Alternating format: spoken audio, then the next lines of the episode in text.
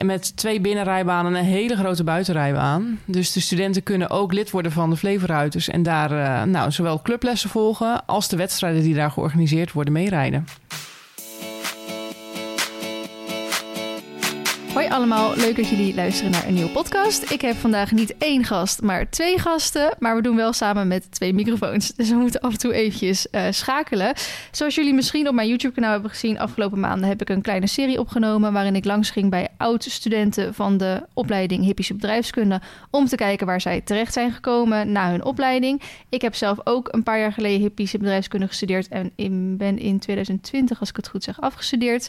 Um, en ik zit vandaag weer op school en tegenover mij zit een docent en een student. En wij gaan samen deze hele podcast opnemen, zodat jullie meer te weten komen over de opleiding. Mocht je nog op de HAVO of de MAVO zitten, of je wil een switch maken misschien, uh, of je zit zelfs nog gewoon op de, op de basisschool en uh, je wil alvast nadenken over welke uh, HBO-opleiding je wil gaan doen, dan gaan we dat allemaal vandaag voor jullie bespreken. Um, ik zit tegenover een docent, dus wil je even vertellen wie je bent? Hallo, ik ben Tineke de Ridder en ik ben inderdaad docent hier op de opleiding Hippische Bedrijfskunde.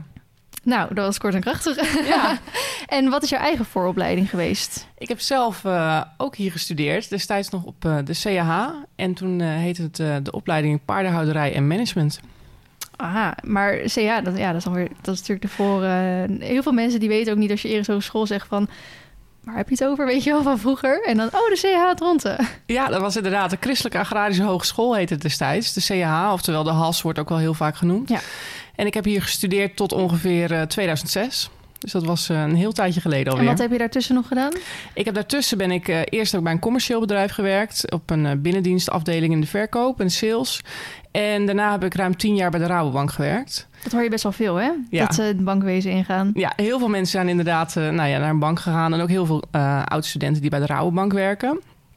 Uh, en ik ben daar aan het werk geweest, eerst als binnendienstmedewerker, vervolgens als financieringsspecialist en uiteindelijk de laatste jaren als accountmanager bij de, op een agrarische portefeuille. Dus en, ik kwam, Hoezo dan de switch weer naar uh, bedrijfskunde terug? Ja, ik vond het, uh, het werk bij de bank vond ik heel erg leuk. Heel veel uh, nou ja, bij mijn klanten aan tafel. En op het moment dat zij een financieringsaanvraag hadden, kwam ik daar om, het, om dat gesprek te voeren. En dat vond ik heel leuk om ook te praten over de toekomst en wat ze, hoe ze die voor zich zagen. En ik kwam daar ook heel vaak kwam ik de bedrijfsopvolgers daar tegen. De zoons en dochters die nou, uiteindelijk het bedrijf over zouden nemen. En dat vond ik altijd heel erg leuk om te kijken waar hun passie lag en waar ze zich wouden ontwikkelen. En destijds kwam ik eigenlijk nog steeds zeg heel vaak hier op school om uh, nou, bedrijfsplannen te beoordelen of om hier voorlichting te geven of een gastles.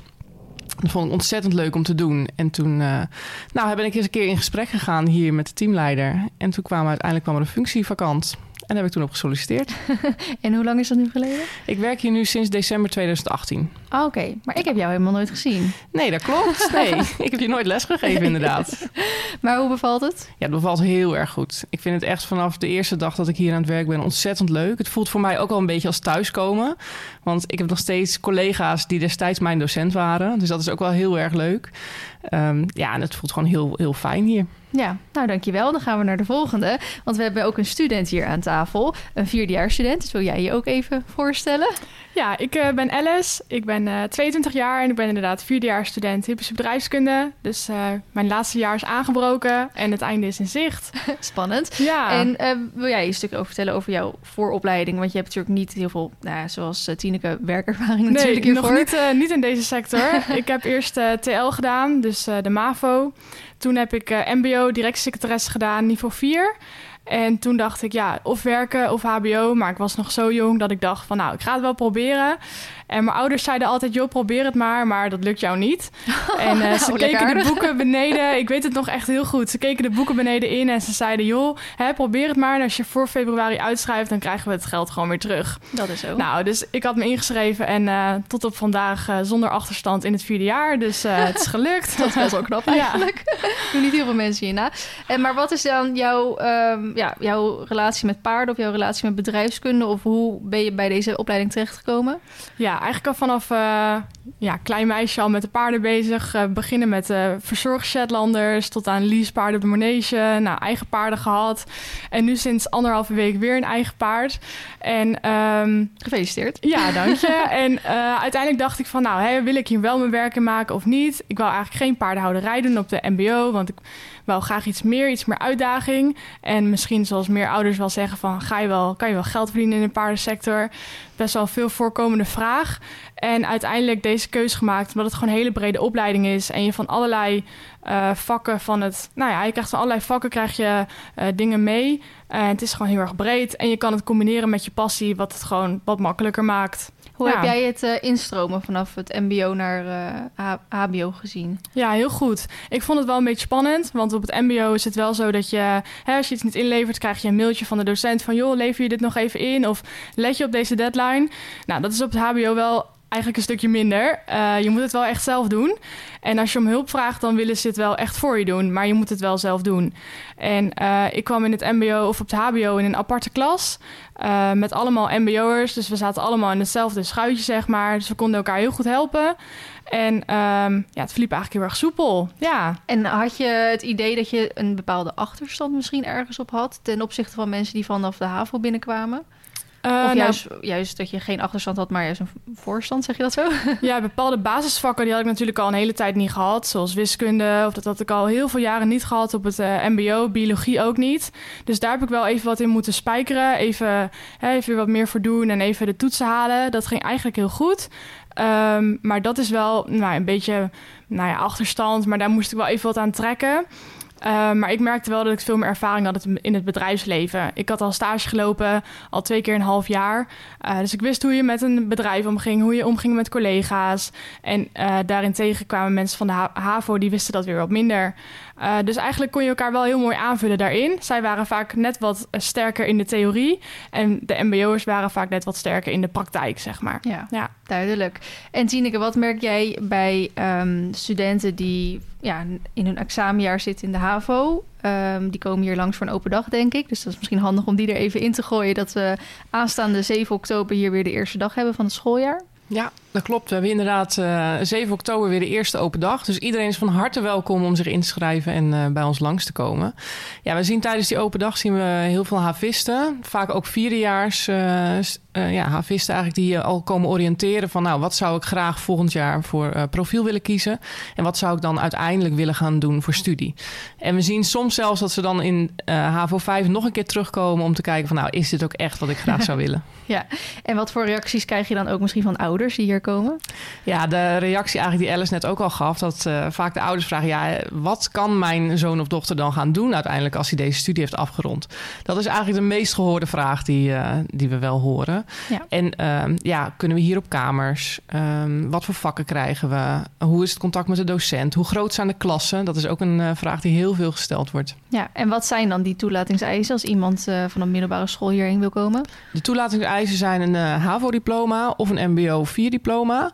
En uh, het profiel maakt in principe niet zo heel erg veel uit. Je kan in principe met elk profiel kan je instromen hier bij ons op de opleiding. En wat is het ideale profiel? Het ideale profiel is wel een profiel eigenlijk met economie. Dat is wel, wij zijn natuurlijk een bedrijfskundige opleiding. En met name merken we dat we in de eerste periode hebben we een vak dat heet integrale bedrijfskunde. En daarmee gaan we eigenlijk heel erg diep in op het bedrijf zelf, op de processen, op nou, wat voor mensen daar dan werken, hoe de aansturing daar binnen gaat.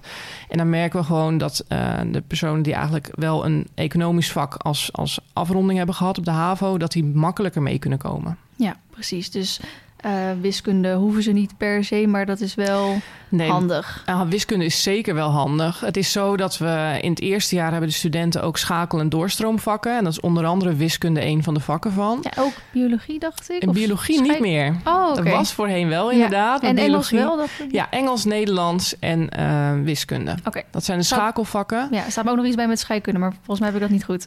Nee, nee scheikunde bij ons niet inderdaad. Nee, voor de bedrijfskundige opleiding eh, zijn het echt die drie onderdelen. En daarmee worden eigenlijk alle studenten op hetzelfde niveau gebracht in het eerste jaar. Ja, en ben je verplicht om die dan te doen? Of is dat vrije keuze? Of wat zien jullie wat, wat daarin gebeurt? In principe iedereen die volgt uh, die vakken. Op het moment dat je uh, vrijstelling zou willen hebben... omdat je wiskunde op het hoogste niveau hebt afgerond... dan zou je dat kunnen vragen bij de coördinator.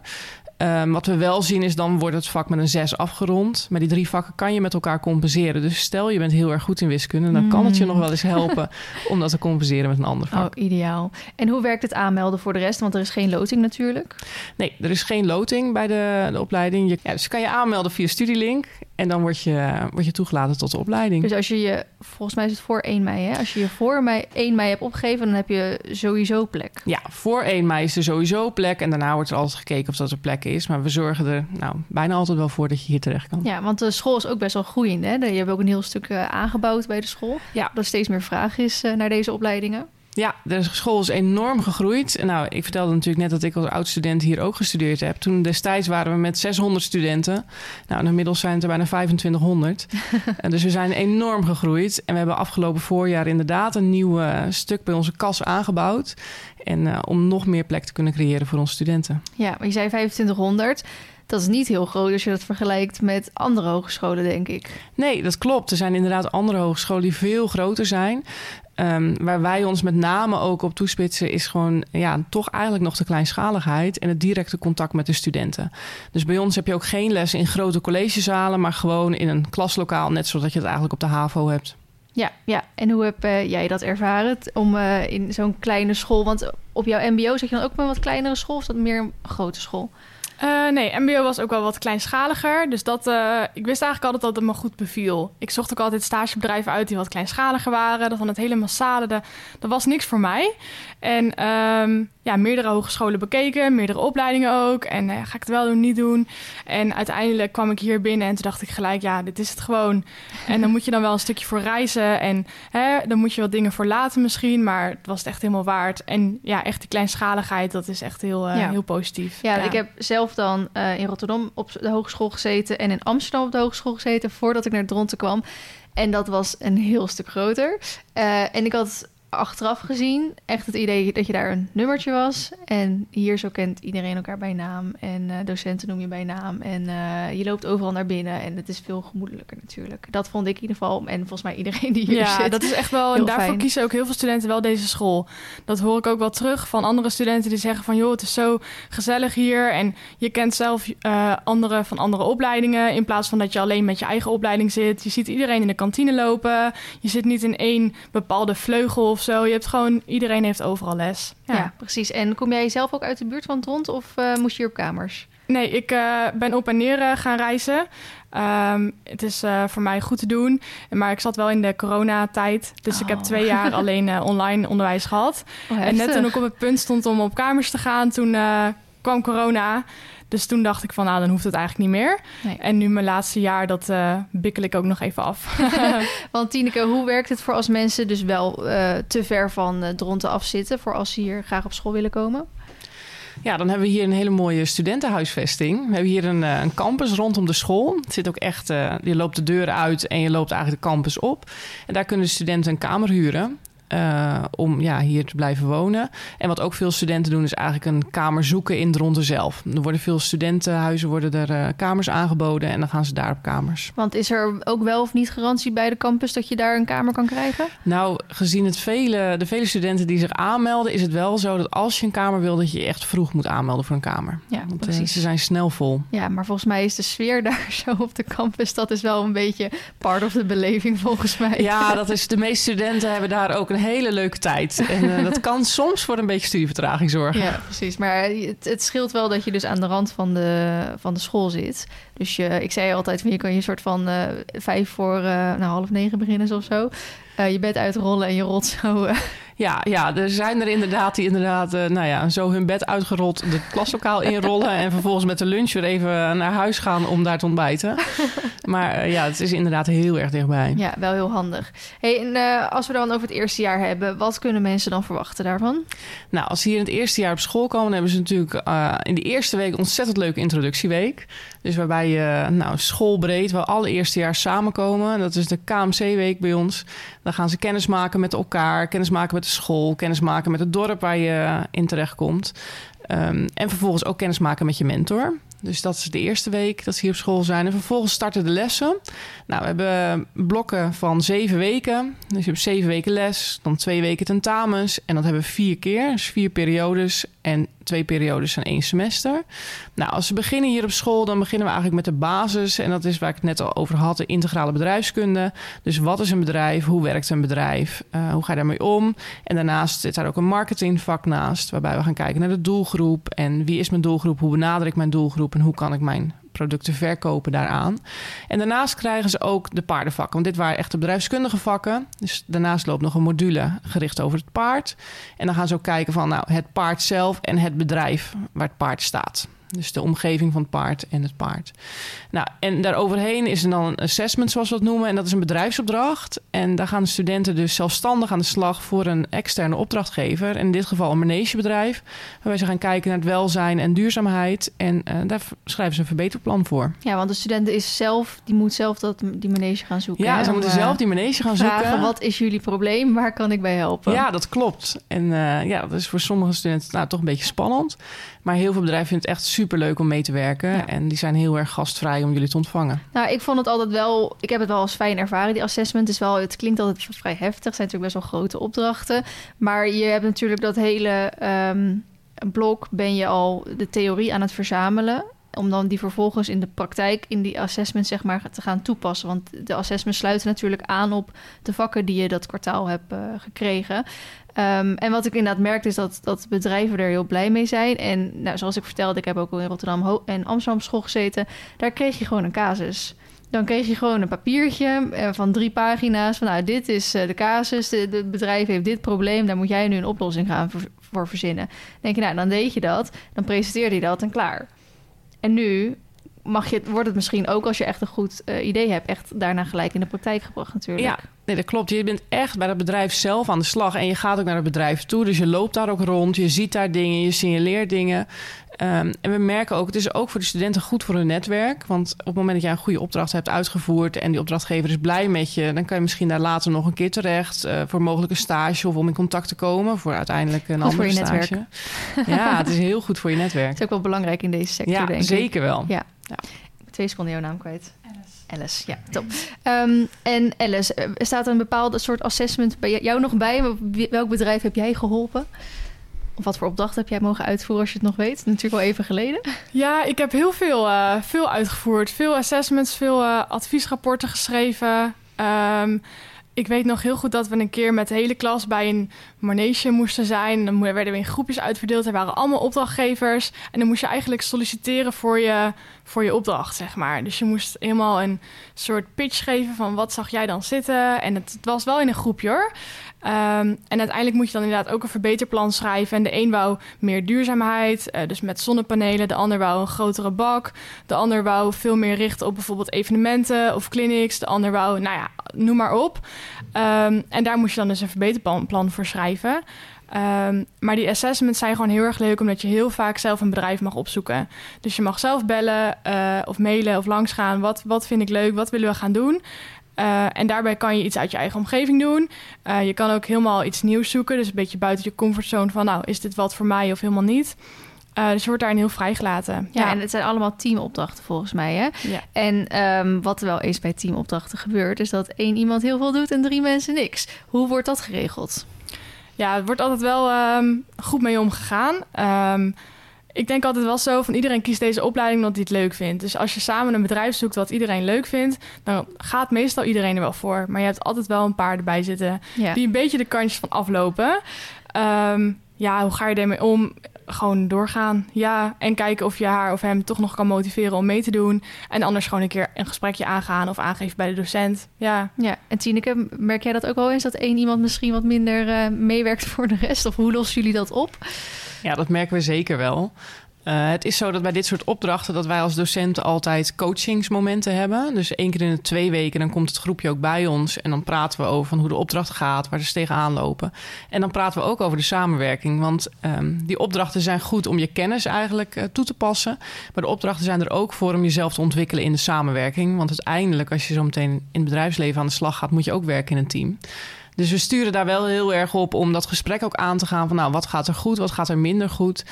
En vervolgens kan het best zijn dat de student iets minder presteert op dat moment, omdat er thuis iets aan de hand is of omdat het uh, nou, even niet zo lekker gaat, de motivatie misschien wat minder is. En vaak merken we dat als we daar eventjes een gesprekje over aangaan en met elkaar dat bespreken, dat dat heel vaak alweer verbetert en uh, uiteindelijk tot een mooi eindproduct komt. Ja, fijn dat die lijntjes dan zo kort zijn in ieder geval. En in het eerste jaar is ook een stage, dacht ik. Ja, hè? in het eerste jaar lopen ze ook een stage en dan lopen ze stage echt direct op een bedrijf met paarden. Dus, dus primaire bij een primaire sector. Ja, en dat is een linstage. Die lopen ze dan uh, het tweede half jaar. En die moeten ze ook zelf zoeken?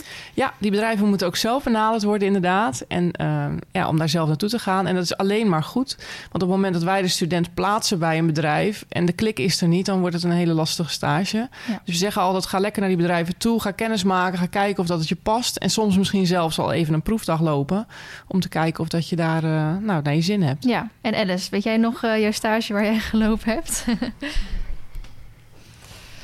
Ja, zoals ik net ook al zei, ben ik dus uh, een van de instromers in de coronajaren, zeg maar. Dus um, er zit ook een buitenlandstage in. Uh, die zat bij mij toen nog in het tweede jaar. Um, maar die is toen vervallen. Vanwege corona was het niet mogelijk om naar het buitenland te gaan. Um, plus dat alle bedrijven dicht zaten. Dus ja, zoek maar eens een stage. Dus dat werd een stage vanuit mijn eigen uh, slaapkamer, zeg maar. Uh, toen heb ik stage gelopen of een opdracht gedaan voor het KWPN. Uh, wel op internationaal gebied. En um, nou, vanaf februari loop ik dan nog mijn afstudeerstage van een half jaar. Ja. Oké, okay, interessant. Ja. En wat heb je er misschien uit geleerd bij KWPN? Um, dat het een heel groot bedrijf is. Grote fokkerij, groot gebied. Um, leuk, leuk bedrijf ook. Veel, uh, veel ontwikkelingen. En uh, heel meewerkend. Ze willen echt wel voor je, voor je wat doen. Uh, ondanks dat het een heel groot bedrijf was, waren er wel hele korte lijntjes binnen oh, het bedrijf. Ja. ja.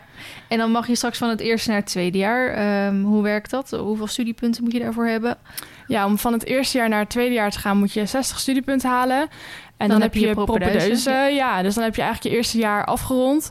Maar niet iedereen haalt die 60, waaronder... Nou ja, ik heb het eerste jaar dan niet gedaan... maar ik haal meestal niet in één jaar 60 studiepunten. Nee, sommigen doen er wat langer over en dat kan.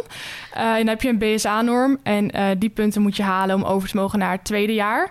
Uh, en dan kan je gewoon in het tweede jaar de rest van je uh, vakken nog halen uit het eerste jaar, zeg maar. Om toch die poppedeus te halen. Ja, ja oké. Okay, dus toch als je een paar uh, punten mist, mag je alsnog over naar het tweede ja. jaar. Als je die dan maar dan wel gaat inhalen. Ja, je moet ze uiteindelijk wel allemaal halen. Ja, dus je hebt wel voor elk vak is er ook een herkansingsmogelijkheid. Ja, ja. Oh, dat is Zeker, ja. Niet dat je dan gelijk iets gemist hebt en van de opleiding gegooid nee, wordt. Nee, nee, zo streng is het niet. Nee, okay. En Tineke, wat mogen we dan verwachten in het tweede jaar? Nou, in het tweede jaar um, gaan de studenten zitten wederom een stage in. Maar we beginnen in het tweede jaar beginnen we eerst met een module ondernemerschap. Uh, het gaat over ondernemerschap, duurzaamheid en innovatie.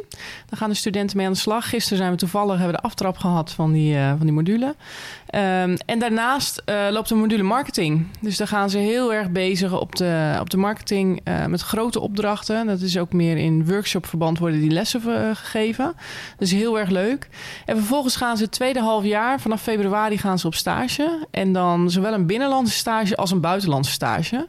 En de eerste zeven weken is een binnenlandse stage op een secundair bedrijf, zoals we dat noemen. Dus niet een direct paardenbedrijf, maar een, paarden, een bedrijf gerelateerd aan de sector eigenlijk. Dus Mag je ook als het een niet-paardenbedrijf is? Ja, dat zou kunnen, mits je zegt van nou waarom dat dan zo is. Dus waarom jij per se specifiek bij dat bedrijf uh, wil stage lopen. In principe is dit wel de hippische stage.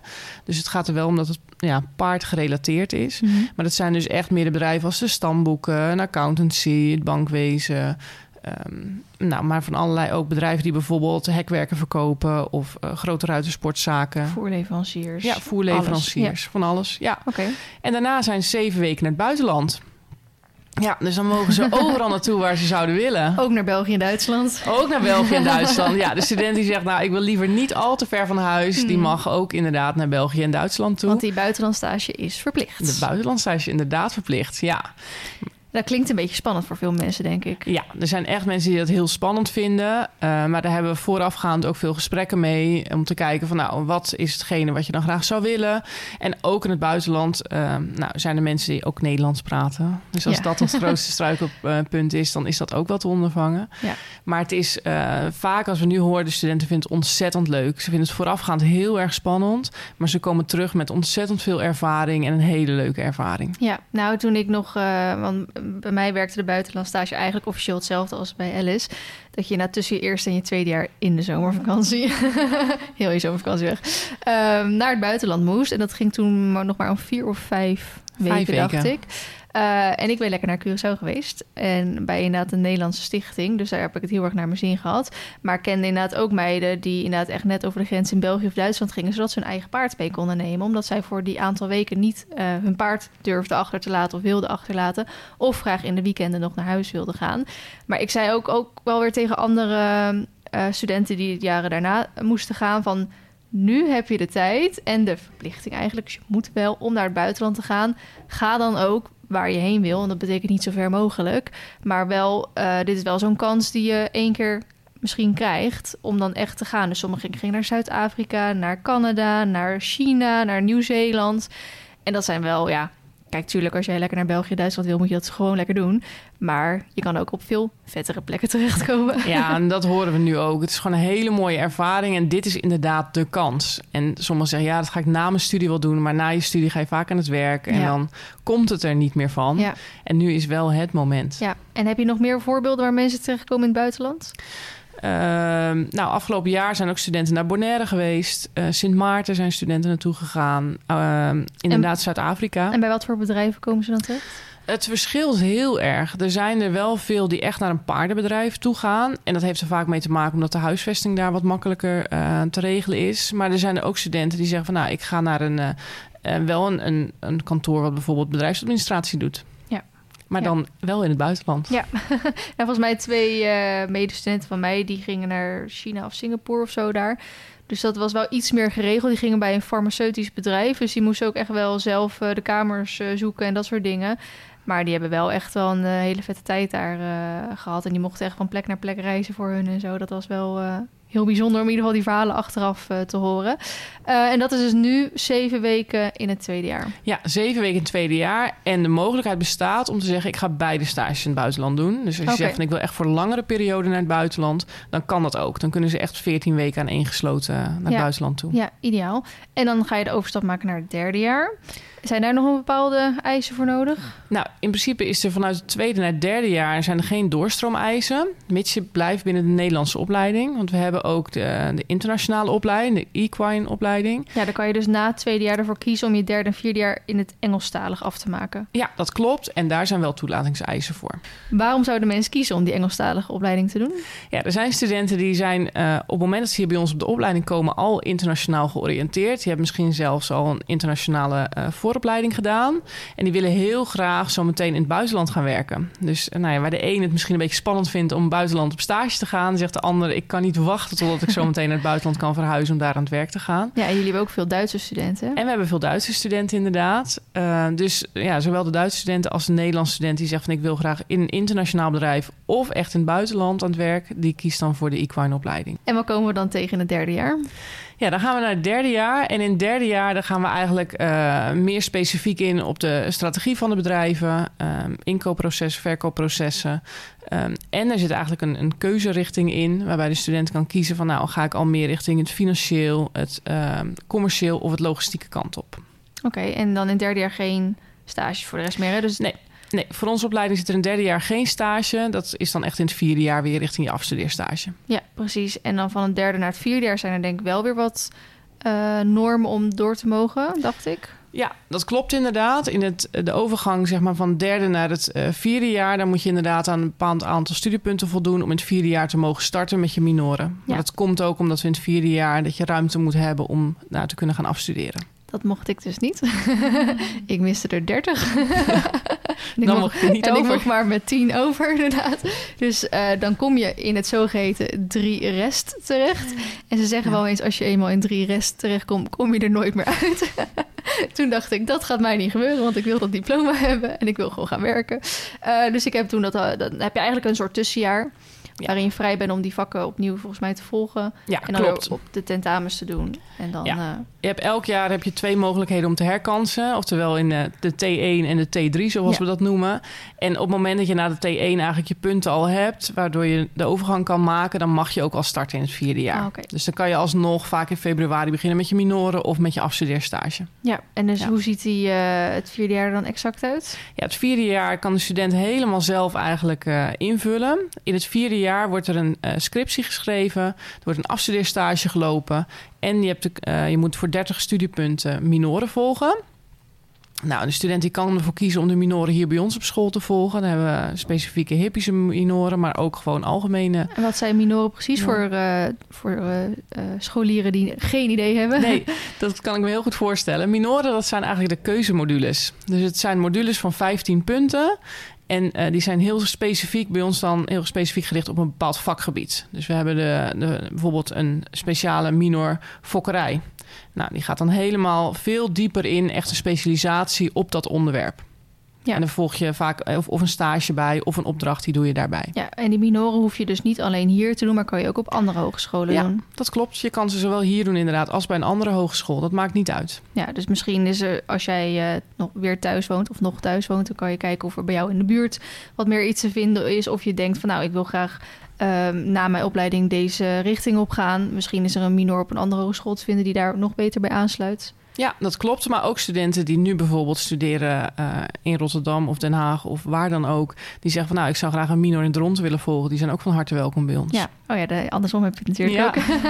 en dan natuurlijk de afstudeerstage. En daar moeten ze ook de scriptie schrijven. Ja, ja, in principe loopt de scriptie en de afstudeerstage lopen vaak eh, naast elkaar. En eh, vaak zien we dat de studenten tijdens hun afstudeerstage een hele leuke bedrijfsopdracht hebben. En daar geleerd aan een, eh een scriptieonderwerp bedenken. Want studenten mogen zelf een onderwerp bedenken waar ze over hun afstudeerscriptie schrijven. Die moet wel goedgekeurd worden, denk ik. Die moet zeker wel goedgekeurd worden, ja.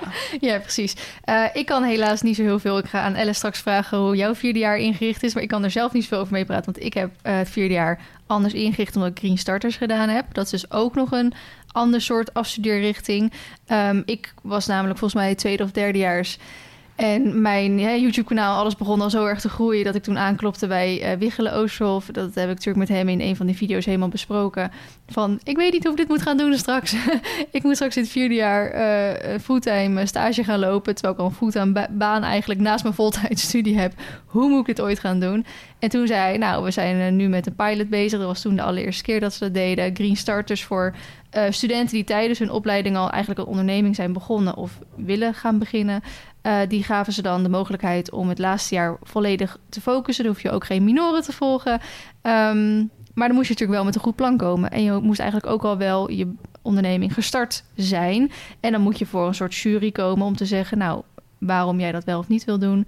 Nou, gelukkig was ik de perfecte student hiervoor.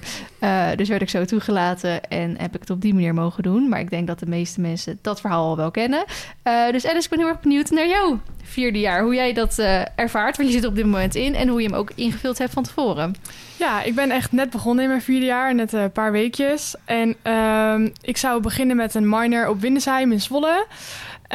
Een mega grote school, heel massaal. En ik kwam daar binnen, ik dacht, wow, wat is dit? Ik moest naar gebouw, weet ik hoeveel, verdieping 10 of zo. Ik dacht, nou, eh, oké, vind dat maar. Maar dat was gelukt. Eh, maar die minor viel helaas heel erg tegen, dus daar ben ik eh, mee gestopt. En vanaf deze week volg ik toch twee minoren hier op school. En dat is ook echt weer een voordeel aan een wat kleinere hogeschool. Kleinere lijntjes, dus het is allemaal zo geregeld. En gelukkig eh, kon ik met Wiegelen Oosterhof dat inderdaad regelen. En ehm, nou, start ik vanaf deze week hier weer op school. Want welke doe je nu? Eh, ik ga inderdaad een minor fokkerij doen, eh, wat Tineke net zei. En de minor bedrijfsadviseur. En voor de minor bedrijfsadviseur ga ik eh, 35 dagen stage lopen bij een ja, adviseursbedrijf. Eh, die moet ik nog zoeken, omdat ik dus net ben gestart. Eh, maar dat kan dus ja, op van allerlei vlakken als maar agrarisch is. En voor de minor fokkerij ga ik 10 dagen stage lopen bij een EU-erkend dekstation. En dat ehm, wil ik eigenlijk in het dekseizoen doen, doen. Dus vanaf januari, februari, even nog wachten. Ja. En dan vanaf februari dan eh, start mijn afstudeerstage. Eh, die ga ik lopen bij KWPN op de evenementenafdeling. Dus eigenlijk het organiseren van nou ja, alle evenementen die daar uh, voorbij komen, zeg maar. En daar schrijf ik ook mijn scriptie. En dat gaat over een soort stamboekvergelijking. Um, maar goed, die ga ik nog verder uit, uh, uitwerken de komende weken. En dan uh, nou, hoop ik eigenlijk af te studeren. ja. En heb je deze stage en minoren al gekozen omdat je een bepaalde richting op wil? Want ik hoor fokkerij, ik hoor stamboek. Dat zijn natuurlijk wel en wel een beetje met elkaar te maken. Ja, ja ik vind vooral het uh, organiseren van dingen heel erg leuk. Dus de evenementenkant, uh, dingen regelen, dingen plannen. En die kant zou ik eigenlijk ook wel heel graag op willen. Uh, maar ik denk dat het fokkerij, die fokkerijminer mij heel erg gaat helpen bij mijn stage bij KUPN. Ook om daar wat meer op in te duiken, zeg maar. Iets meer te weten van die, van die sector. Uh, en daarnaast vind ik het eigenlijk wel heel interessant hoe dat allemaal gaat. Uh, ook met de stijgende prijzen en dat soort dingetjes. ja, ja. Vind ik wel heel erg leuk. Ja. Heb je dan al een idee wat je hierna wil gaan doen? Um, een beetje. Of een master. Uh, je kan hier op school nog een eenjarige master volgen. En hoe heet die uh, master? Hoe... Ja, dat is uh, Master Agribusiness Development. Dus eigenlijk een hele algemene master voor de gehele agrarische sector. maar het voordeel is dat je dus geen pre-master hoeft te doen, omdat je hier dus al op school hebt gezeten. dus dat is een ene optie. En de andere optie is om toch aan het werk te gaan. Um, maar waar en hoe, geen idee. dat ga ik vast ervaren. Ja, precies. En hoe heb jij voor de rest um, de gehele studie ervaren? Want het is natuurlijk een bedrijfskundige studie met een sausje paard. He, ze zeggen wel 70% bedrijfskunde en 30% paard. Ja, Volgens mij klopt. is het eerste jaar is wel meer 50-50. Om een beetje die overgang misschien beter of misschien zelfs een beetje leuker te maken. Uh, hoe heb jij hem ervaren? Ja, het is inderdaad echt een bedrijfskundige opleiding met een, met een beetje paard, zeg maar. Het eerste jaar is wel iets meer paardgericht. En hoe verder je komt, hoe minder dat eigenlijk wordt. Uh, wat voornamelijk zo is als je bijvoorbeeld een bedrijfsplan moet schrijven... of je krijgt een uh, jaarrekening... of je krijgt iets van een bedrijfskundig onderdeel, dan gaat het over bijvoorbeeld een manege of een pensioenstal. En dat maakt het gewoon net wat interessanter. Er staan termen op die je kent. Uh, dus het gaat allemaal over de sector waarin jouw interesse ligt. Um, maar ik heb tijdens de hele studie nog geen paard aangeraakt. Dus je moet niet verwachten dat je gaat paardrijden of dat je hè, echt dingen gaat doen zoals longeren of zo. Want dat valt hier echt wel buiten.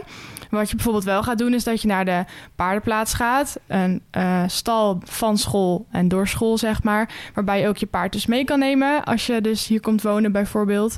En je paard daar op pensioenstal kan zetten.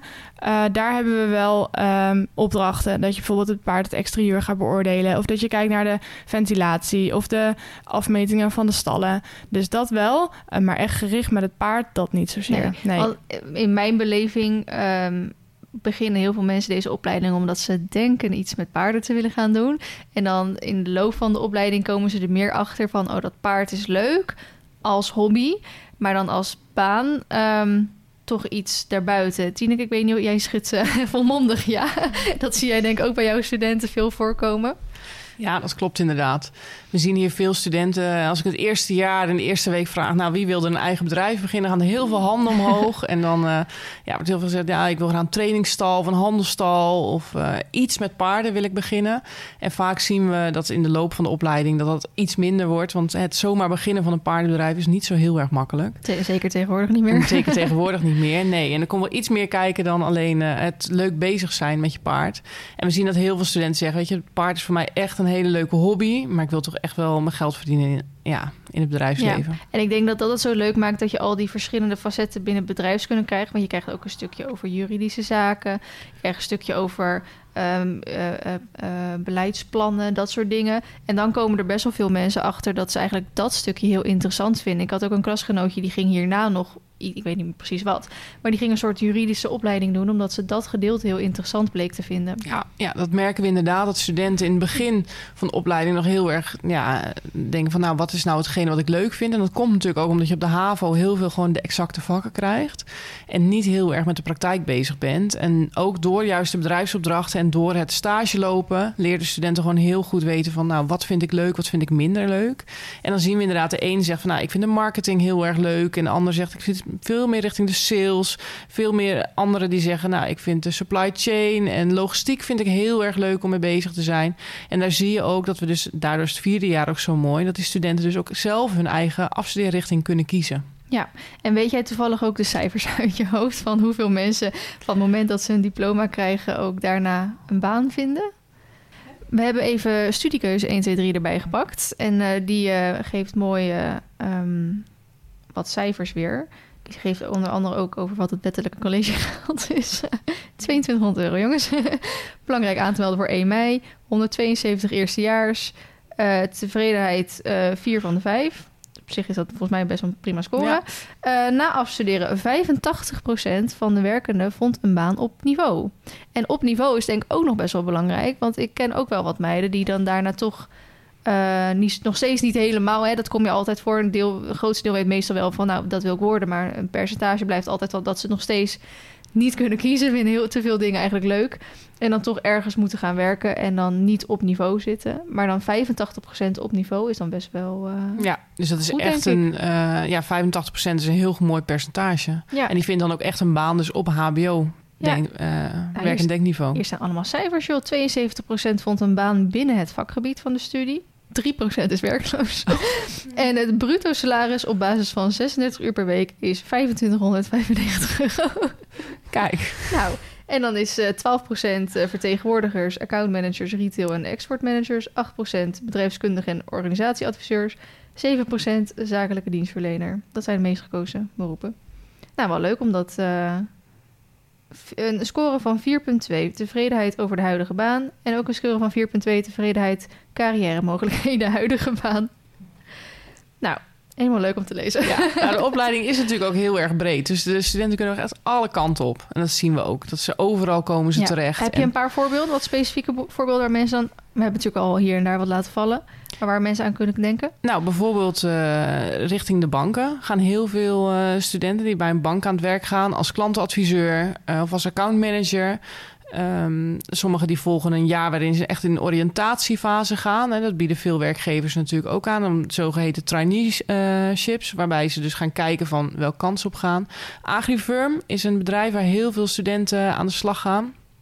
Die, eh, die kant gaan ze op. Voerleveranciers zien we veel studenten die ook na stages daar eh, blijven zitten. En wat we ook veel zien is studenten ook richting het recruitment gaan. Dus eh, ja, eigenlijk werving en selectie voor andere bedrijven. Ja, en ook een stukje event misschien, wat Alice dan leuk vindt om te doen. Ja, eventmanagement, want dat ben ik net helemaal vergeten te zeggen. Maar we hebben in het derde jaar ook een ontzettend leuke eventmodule. Waarbij we de studenten zelf een grootschalig evenement gaan organiseren. En we zien dat heel veel studenten dat ook ontzettend leuk vinden... om echt in de organisatie daarvan aan de slag te gaan. Ja, Alice, kan jij daar meer over vertellen? Of zat jij toen precies eh, in de coronatijd eh, nog steeds? Ik zie je ja schudden.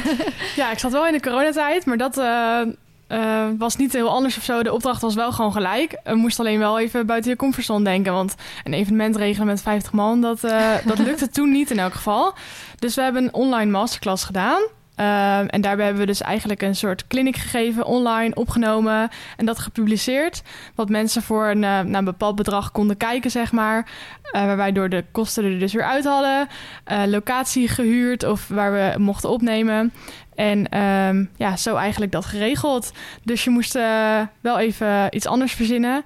Maar dat maakt het juist ook wel weer heel erg leuk. Ja, Ja, ik denk, je, ja, de, de omstandigheden die dwongen je ook een beetje om Ja. even out of the box te gaan ja, denken ja, natuurlijk. je moest echt even verder kijken dan, eh, dan wat je normaal deed. En alles wat je misschien leuk vond aan bijvoorbeeld een eh striktraining of een concours of hè, zoiets regelen, dat kon eigenlijk niet. Dus je moet dus echt even iets anders verzinnen. Ja, Ja, ja. Hey, ik denk dat we best wel veel over de opleiding hebben gepraat. Maar wat misschien natuurlijk ook wel leuk is, is een stukje buiten de opleiding. Je hebt hem net ook al laten vallen, de paardenplaats. Mhm. Ehm, een, een stal gerund door school, eh, maar ook voor studenten, door studenten en voor eh, studenten. Dus alleen mensen eh, of leerlingen die hier op school zitten, die mogen hun paard daar neerzetten. Maakt niet uit of je een hippische bedrijfskunde of een andere opleiding doet. Ehm, maar dat is denk ik... Heb jij je paard er ook staan? Of nee, nee, mijn paard staat lekker thuis. maar ik ben er wel eh, regelmatig geweest. Of andere klasgenootjes die daar wel in de paard hebben staan. Maar je kan daar inderdaad gewoon je paard neerzetten. Het is eigenlijk gewoon een pensionstal. Wat je net ook zei, voor en door studenten. Ehm, en daar eh, heb je dus een buitenbalk, een longeercirkel. Je hebt was- en poetsplaatsen. Eh, jij hebt er ook wel een vlog van gemaakt, volgens mij. Een hele tour daarvoor. Ehm, ja, dus dat is eigenlijk wel een hele mooie mogelijkheid... voor als je hier toch op kamers woont... om dan ook je paard mee te nemen. Ja, en ze hebben een samenwerking nog steeds met, eh, hoe heet het daarnaast? Paardencentrum? Ja, Rond- paardencentrum paarden- ja, en daar hebben ze ook een binnenbak. Ja, die kan je inderdaad huren voor een bepaald tarief per maand. Kan je daar rijden. Ja, Ja, en ze hebben paddocks en weilanden. ja, En ja. volgens mij worden ook daar best wel regelmatig een oefenwedstrijdje of een clinic of zo georganiseerd waar je voor kan opgeven. Ja, in het derde jaar zit er inderdaad een soort proeven van bekwaamheid in. eh, waarbij je dus ook kan kiezen om als opdracht de paardenplaats te runnen, zeg maar. En dan kan je ook zulke dingen organiseren. En een, kleer, een schriktraining of een concours of een boscross of Ja. zoiets. Ja, Ja, heel leuk. Ja. En volgens mij zijn ze nu ook die hele straat aan het ombouwen naar een soort eh, paardenwalhalla of zo, toch? ja er komt helemaal een nieuw evenemententrein. En eh, nou, volgens mij, wat ik zo hoor, moet het echt super mooi worden. Ja, kan jij daar nog meer over vertellen, Tineke? Volgens mij ook de oude Flevo Manege verhuisd daarheen, toch? Ja, we krijgen een paardenboulevard daar, om maar zo te zeggen. Er komt eh, naast het paardencentrum Dronten komt eh, de, ja, wat vroeger de Flevo Manege was, komt nou het Flevo Droom wordt daar gebouwd. En dat is een hele mooie nieuwe locatie van de Flevo-ruiters. En met twee binnenrijbanen en een hele grote buitenrijbaan. Dus de studenten kunnen ook lid worden van de Flevo-ruiters en daar eh, nou, zowel clublessen volgen als de wedstrijden die daar georganiseerd worden meerijden. Ja, Ja. gaaf. En niet alleen eh paarden, een stukje zit ook eh, koeienstallen en agraries en eh, Ja. varkens en kippen en weet ik het wat. Zit er volgens mij toch? Ja, dat klopt. Want eh, de paardenplaats is gevestigd op de schoolboerderij, zoals we dat noemen. En op de schoolboerderij is echt voor elk onderdeel een, een, ja, een stal eigenlijk gebouwd. Dus er is inderdaad een koeienstal, staat er, een varkenstal, een kippenstal. eh, en een stukje techniek. Die zit daar ook nog bij voor Ja. de agrotechniek. Ja, gaaf. En verder eh, buiten de opleiding. Alice, ik weet niet of jij bij een eh, studentenvereniging eh, aangesloten... Nee, ik zelf ook niet. Ik weet niet of jij er van vroeger nog bij hebt gezeten. Ik of heb de- eh, jij misschien, maar er zit hier nog iemand erbij.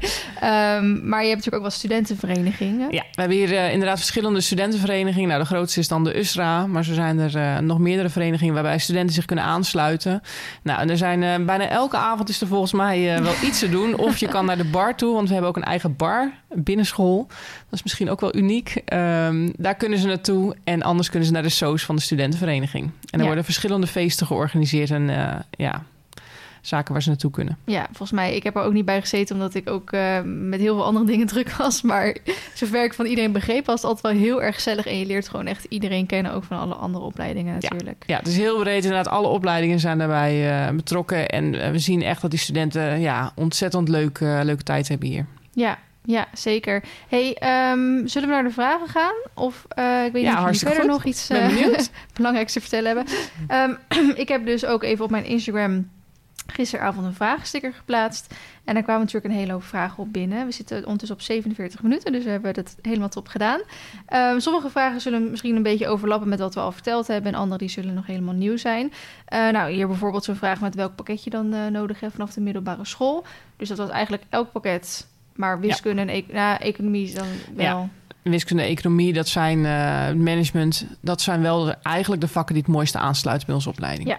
Nou, dit is ook zo'n vraag. eh, wat als je gewoon echt nog niet weet wat je wil gaan doen? Ehm, is hippies bedrijfskunde dan een optie? Maar dat denk ik wel, want je leert hier best wel. Ja, zeker. Ehm, je wordt heel breed wordt je opgeleid. Dus we gaan echt alle facetten eh, ga je op. Wat ik zulke studenten echt adviseer om... kom naar een open dag en ga ook mee met een meeloopdag. De studenten kunnen zich ook aanmelden voor meeloopdagen. Dan worden ze gekoppeld aan een student... en dan lopen ze de dag van die student lopen ze mee. Ja, heb ik ook gedaan. Ja, dus, heel leuk. Ja, dat is ontzettend leuk. En we zien ook dan, merken ze ook echt van... nou, hoe is de sfeer hier op school? Wij kunnen het namelijk heel mooi vertellen... maar je moet het ja, ervaren en meemaken. Ja, precies.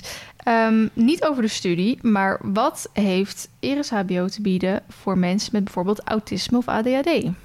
Ja, een hele goede vraag.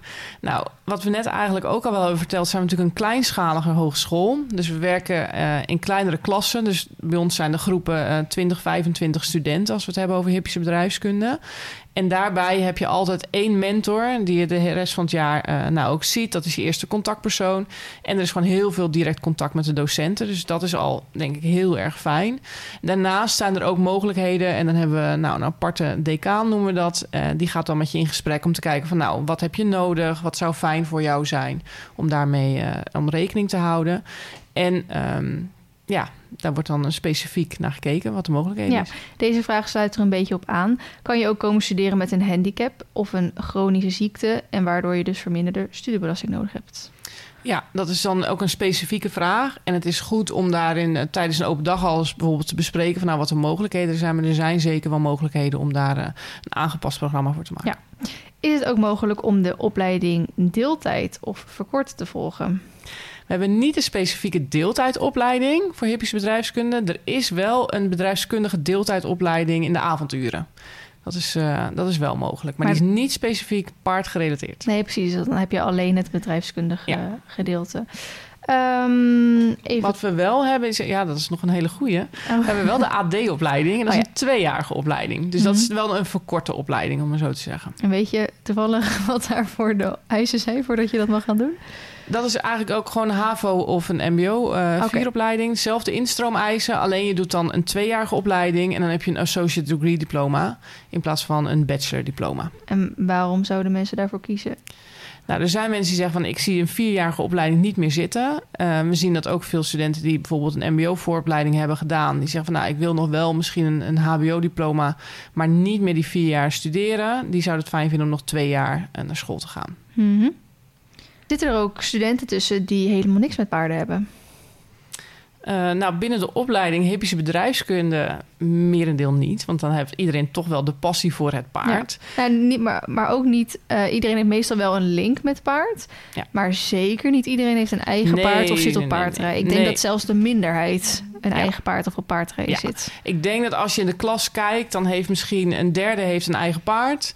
Um, en het merendeel niet. En er zijn ook mensen die zeggen van... nou, ik heb vroeger wel gereden, nu even een aantal jaren niet... want ik ga hier op kamers en uh, ja, op dit moment komt het er eventjes niet van. Dus het is zeker niet dat je een eigen paard moet hebben... of nog echt fanatiek moet rijden. Want we zeggen zelfs, je hoeft niet eens te kunnen rijden... om deze opleiding te volgen. Nee, want zoals Alice zei, ik heb nog helemaal geen paard aangeraakt. Dus nee hoor, nee, je hoeft absoluut niet te kunnen rijden wat dat betreft. Nee. Hey Alice, ik vind het een mooie vraag voor jou. Hoe ziet een gemiddelde schooldag eruit? Wel een goede vraag, denk ik. Ja, dat is zeker een goede vraag. En misschien ook niet onbelangrijk. Nee. um, de eerste lessen die starten om half negen. En um, ja, af en toe begin je om half negen, maar ook heel vaak niet. Um, en in het eerste jaar had ik best wel veel les. Uh, en dan echt wel uh, vijf dagen, best wel volle dagen op zich. Uh, en eigenlijk werd dat steeds wat minder. En dat je ook wel een keer een dag vrij, of dat je een keer vroeg vrij was, of dat je een keer wat later begon. Uh, en het rooster is elke dag, elke week anders. Uh, maar die kan je dus zeven weken van tevoren al, uh, al zien. En daardoor kan je dus ook heel veel gewoon dingen eromheen plannen. Um, ja, dus uiteindelijk in het begin heb je wel volle dagen. Uiteindelijk wordt het weer wat minder. Um, maar in het begin kan je ook wel heel veel opdrachten al op school doen. Um, waardoor je dus thuis gewoon vrij bent en bijvoorbeeld je paarden kan rijden of kan werken. Of ja. dat kan je er wel bij doen. Ja. ja. En hoe ziet dan echt, echt een specifieke dag eruit? Dus bijvoorbeeld morgen of zo. Nee, je zit natuurlijk nu in je, in je minoren. Uh, van je derde jaar dan, of je eerste jaar, als je dat nog weet. Hoe, je begint om half negen of misschien pas om tien uur, want je begint ook wel eens het tweede of het derde uur pas. Ja, je kan inderdaad om half negen beginnen, maar ook wat later op de dag. Dat hangt een beetje af van je lesrooster. Ja, je start eigenlijk met een les. Je gaat gewoon naar het lokaal toe. Uh, daar volg je de les, krijg je eventueel huiswerk mee. Uh, nou, dan ga je naar het volgende lokaal toe of je hebt tussendoor even pauze. Uh, en zo volg je eigenlijk de dag, gaat de dag door. Ja, ja, dus je hebt verschillende lessen op je rooster staan die je volgt. Of je hebt een keer een tussenuur. Of, uh, ja. ja, en je moet ook wel eens voor een les voor naar de paardenplaats inderdaad... omdat daar dan iets wordt uh, ja. laten zien. Of, ja, of je krijgt een mailtje inderdaad dat je extern ergens heen moet... of dat je op de paardenplaats moet zijn... of gewoon in een lokaal, of dat je iets moet voorbereiden. Dat wordt allemaal gepubliceerd. Ja, ja. en de volgende vraag stel ik denk ook gelijk aan jou. want jij heb, heb dus hier ook niet uh, gewoond. Uh, maar hoe zijn dan de verbindingen naar school? Dus met de trein of als je met de auto komt, met OV? Ja, het is natuurlijk geen stad zoals uh, Amsterdam of Rotterdam. we hebben een treinstation. In Dronten komt een trein aan. En vanaf dat treinstation gaan ook bussen naar de hogeschool toe. Of mensen zetten een fiets vaak Ja, of een fiets inderdaad. Dat is ook te doen. Lopen is wel wat ver. maar met de fiets of met de bus is, is goed te doen. En de treinen die gaan dan richting Amsterdam of richting Zwolle. Ja, en als je met, uh, want ik denk volgens mij ook heel veel studenten hebben een auto. Ja, de parkeerplaats staat hier altijd aardig vol. dus veel komen ook wel met de auto, omdat veel toch ook wel van agrarische bedrijven komen. Uh, waardoor bijvoorbeeld helemaal geen bus gaat. Ik moet zelf 20 minuten fietsen voor de eerste bushalte. ja, dan kan ik net zo goed doorrijden, zeg maar. Dus veel kiezen daar ook voor. Ja, ja top. Uh, nog een vraag voor jou. Hoe groot is het verschil als je doorstroomt vanaf bedrijfsleider, paardensport en houderij? Ja, op die opleiding heb je natuurlijk al best wel wat gehad met paarden. Zoals bijvoorbeeld met voeding, een stukje training, gezondheid. En dat is in het eerste jaar vooral ook wel een klein stil, stukje herhaling. Hier op het HBO gaat het nog wel veel dieper erop in. Maar de algemene basis heb je dan al wel. Uh, dus dat heeft wel een voordeel, ja. Ja, ik denk ook zeker niet dat je een nadeel hebt als je vanaf het mbo komt. Want nee. um, omdat ik instroomde op, op het tweede jaar, dat kan dus nu niet meer, omdat ik een propedeuse op een andere opleiding had gehaald, kwam ik tegelijkertijd met die MBO-studenten dus daar terecht. En je zag echt, die waren natuurlijk ook al een jaartje ouder. ehm, die hadden best wel wat ervaring, inderdaad. Dat ze eigenlijk het bijna beter deden dan de havisten. Ja, ja het, is- het heeft wel een voordeel. hoor. Ik ben ook heel blij dat ik van het MBO naar het HBO ben gegaan. Ik heb Ja. eh, wel een totaal andere opleiding gehad, gedaan, maar het, het heeft me wel heel goed gedaan. Ja. Ja. Ik krijg hier ook een vraag binnen. Of het is eigenlijk het is niet een vraag, meer een opmerking. Superleuk. De serie heeft mij geactiveerd om docent paardensector eh eres te doen. Maar die wordt natuurlijk niet hier gegeven. Daar kreeg ik wel ook een DM over. Dat mensen die ook heel leuk, maar die zitten dus in Wageningen. Ja, dat is Wageningen. Die kan je wel eens tijdens je minor bijvoorbeeld ook doen. Dan ga je de educatiekant op. Eh, ga je twee dagen daar in Wageningen naar school en drie dagen stage lopen op VMBO of MBO eh paardenhouderij bijvoorbeeld. En dan kan je hem eventueel na je studie nog met een halfjaartje verlengen. En dan ben je dus inderdaad bevoegd om op het MBO of VMBO les te geven. Ja. Ja, ja, goeie. Eh Tineke, misschien weer een eh, vraag voor jou. Is deze opleiding essentieel voor als je een bedrijf in de paarden wil starten? Ja, dat is een hele mooie vraag. Ja, want eh, ja, ik denk zeker dat je met deze opleiding een hele goede basis hebt om eh, als ondernemer aan de slag te gaan. Want het is eh, niet meer zo van, nou, ik heb een paard, ik heb een bedrijf, ehm, we gaan aan de gang. Tegenwoordig als ondernemer wordt er veel meer van je gevraagd. Nou, dat weet je inmiddels zelf natuurlijk ook. Ehm, dus ja, het is zeker een hele goede, goede basis. Ja, goeie. Eh, ik vond dit ook een mooie vraag. Wat zijn de eigenschappen slash interesses die je moet hebben voor deze opleiding? Want ik denk dat we dan ook een beetje naar de competenties gaan kijken, want daar hebben we het nog helemaal niet over gehad. Ja, nee, als we kijken, we gaan het ehm, eh, naar de gemiddelde student, wat, eh, nou ja, wat goed mee kan komen. Eigenlijk zien we dat de student proactief is. Ehm, intrinsieke motivatie, oftewel de motivatie om deze opleiding te gaan doen. Interesse hebben in het paard, interesse hebben in bedrijven in het algemeen en in bedrijfskundige vakken daardoor. Ik denk dat dat heel erg belangrijk is. Sociaal, want je moet veel ook met je groepsopdrachten doen, eh, studenten. En dan is het echt niet zo dat je altijd vooraan moet staan. Want we hebben juist studenten, ehm, nou, de koppeling dat er een wat rustiger student met een eh, iets meer outgoing en extroverte persoon eh, samen kan werken. Dus dat is absoluut niet. maar gewoon de wil om te doen en proactief daarin staan. Dat zijn heel belangrijk. Ja, en de competenties, want volgens mij moet je op tien competenties eigenlijk van het eerste tot het vierde jaar jezelf verbeteren. Ja, we hebben inderdaad de tien erescompetenties. Eh nou, onder andere competenties zijn bijvoorbeeld leiding geven. Nou, daar oefenen we in de assessments dus ook mee. Waarbij je in een groepje gaat samenwerken. Waarbij je nou, ook het competentie leiding geven pakt. Maar ook binnen de stages. Presenteren. En dat gaat dus hoe presenteer ik mezelf met tijdens een opdracht. En, ehm, maar hoe presenteer ik me ook bijvoorbeeld als ik naar een opdrachtgever toe ga... om een opdracht binnen te halen. Ehm, Ik vind het mooi dat je daarin goed de groei van bepaalde studenten kan zien. Dat ze in het begin echt zoals van die onzekere vogeltjes voor de klas staan... en aan het einde gewoon echt iedereen omverblazen. Ja, ja, en dat klopt ook inderdaad. Het is, eh, en ook dat leer je. En heel veel mensen zeggen altijd... oh, presenteren vind ik niet zo leuk, vind het een beetje spannend. En we zien inderdaad dat ze gewoon aan het eind... eh, gewoon gigantisch goede presentaties houden... en voor een groep van mensen staan... dat je denkt, oh, dat is, ja, daar zijn we heel erg trots op ook. Ja. Dus er zijn ja, verschillende competenties... maar er zit ook bijvoorbeeld een stuk duurzaamheid in. Eh, Globaliseren. globaliseren, ondernemerschap. Ehm, daar ga je allemaal mee aan de slag. Ja, goeie. Ik vind het altijd wel leuk om inderdaad die, eh, die groei altijd dan eh, te zien. Ehm, iemand vraagt, wat is het verschil tussen hippische bedrijfskunde en diergezondheid en management? Want het is een andere opleiding die de ERIS natuurlijk ook aanbiedt. Ja, dat klopt. Dat is ook echt een andere opleiding. We hebben diergezondheid en management. Dan ga je veel meer eigenlijk in op de dierpraktijk. Eh, waarbij wij het echt hebben over hippische bedrijven en de hippische sector. Dus diergezondheid management gaat veel meer over de huisdierenkant. En wij echt over het paardgerelateerde kant. Ja, goeie. Eh, ik zit even naar de vraag te kijken. Kan je, nou, we hebben het net al even over die AD-opleiding gehad. Kan je met die tweejarige opleiding dan net ja, evenveel als met die vierjarige opleiding? Of zit daar wel een verschil in? Er zit wel natuurlijk een verschil in, want de vierjarige student heeft twee jaar langer gestudeerd. Het is wel zo, je hebt ook een HBO-opleiding, daar staat dan associate degree, staat daar dan bij. Eh, het wordt wel gezien, het wordt gezien gewoon als een verkorte HBO-opleiding. Ja, oké, maar goed. Dat waren de vragen. We zitten ook prachtig op een uur. ik weet niet, hebben jullie verder nog iets wat je denkt... nou, dat, wil ik nog, dat hebben we gemist, dat wil ik graag vertellen. Eh, misschien een bepaald soort advies... of eh, echt het leukste wat je hebt meegemaakt. Of, eh, Nou, ik denk dat wij een ontzettend leuke hogeschool zijn. Maar ik denk vooral, ja, we hebben natuurlijk een hartstikke leuk gesprek gehad. Zo. Ik denk dat studenten en toekomstige studenten het vooral moeten komen ervaren. Ik zou zeggen, kom vooral hier naar een open dag. dag zijn ontzettend leuk. Je komt uh, nou, hier binnen, je volgt de presentaties. Je kan bij de verschillende opleidingen kijken. Dus mocht je nog twijfelen tussen diergezondheid en management en hippische bedrijfskunde... kom vooral kijken, doe allebei de presentaties volgen. Je gaat lekker naar de paardenplaats... Uh, naar de schoolboerderij toe. Je komt langs het paardencentrum waarbij je kan kijken van nou zou ik hier ook mijn paard mee toe willen nemen. En je kan gewoon echt in gesprek met de studenten, want dat vinden we ook heel erg belangrijk. Je ziet zowel de docenten, maar ook de studenten. En ga daar vooral mee in gesprek van nou hoe vinden zij het hier en waarom hebben zij gekozen voor dronten. Ja, Alice, heb je daar nog iets aan, uh, aan toe te voegen? Nou, ik denk dat wel een hele mooie samenvatting is. Inderdaad, kom gewoon naar een open dag toe. Kom lekker kijken. En uh, ja, het belangrijkste is gewoon doen wat je leuk vindt. Dus, yes. Dus, uh, ja. Nou, heel erg bedankt jullie allebei voor het, uh, het, meedoen aan de podcast. Ik denk dat we het bijna niet completer hadden kunnen maken. Um, aanstaande 7 oktober hebben we dus een open dag. Je moet gewoon lekker naar www.ereshogeschool.nl gaan. En daar staat gelijk bovenaan al, meld je hier aan voor de open dag. En daar vind je ook alle informatie. En mocht ze willen aanmelden voor een meeloopdag, dan kunnen ze er altijd gewoon een mailtje over sturen. En dan worden ze gekoppeld daar zijn niet speciale dagen voor.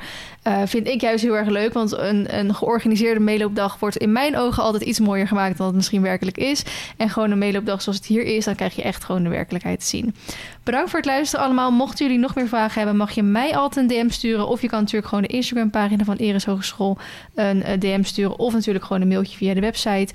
Of je belt even, of je gaat lekker naar de open dag toe. Uh, ik hoop dat jullie een hele hoop uh, kennis rijker zijn. Misschien ook wat motivatie gevonden hebben om naar deze school toe te komen. Of juist, misschien zijn ze achtergekomen. Dit is helemaal niks voor mij. Ook helemaal goed natuurlijk. En dan wil ik jullie nogmaals bedanken. En graag tot de volgende keer. Doei!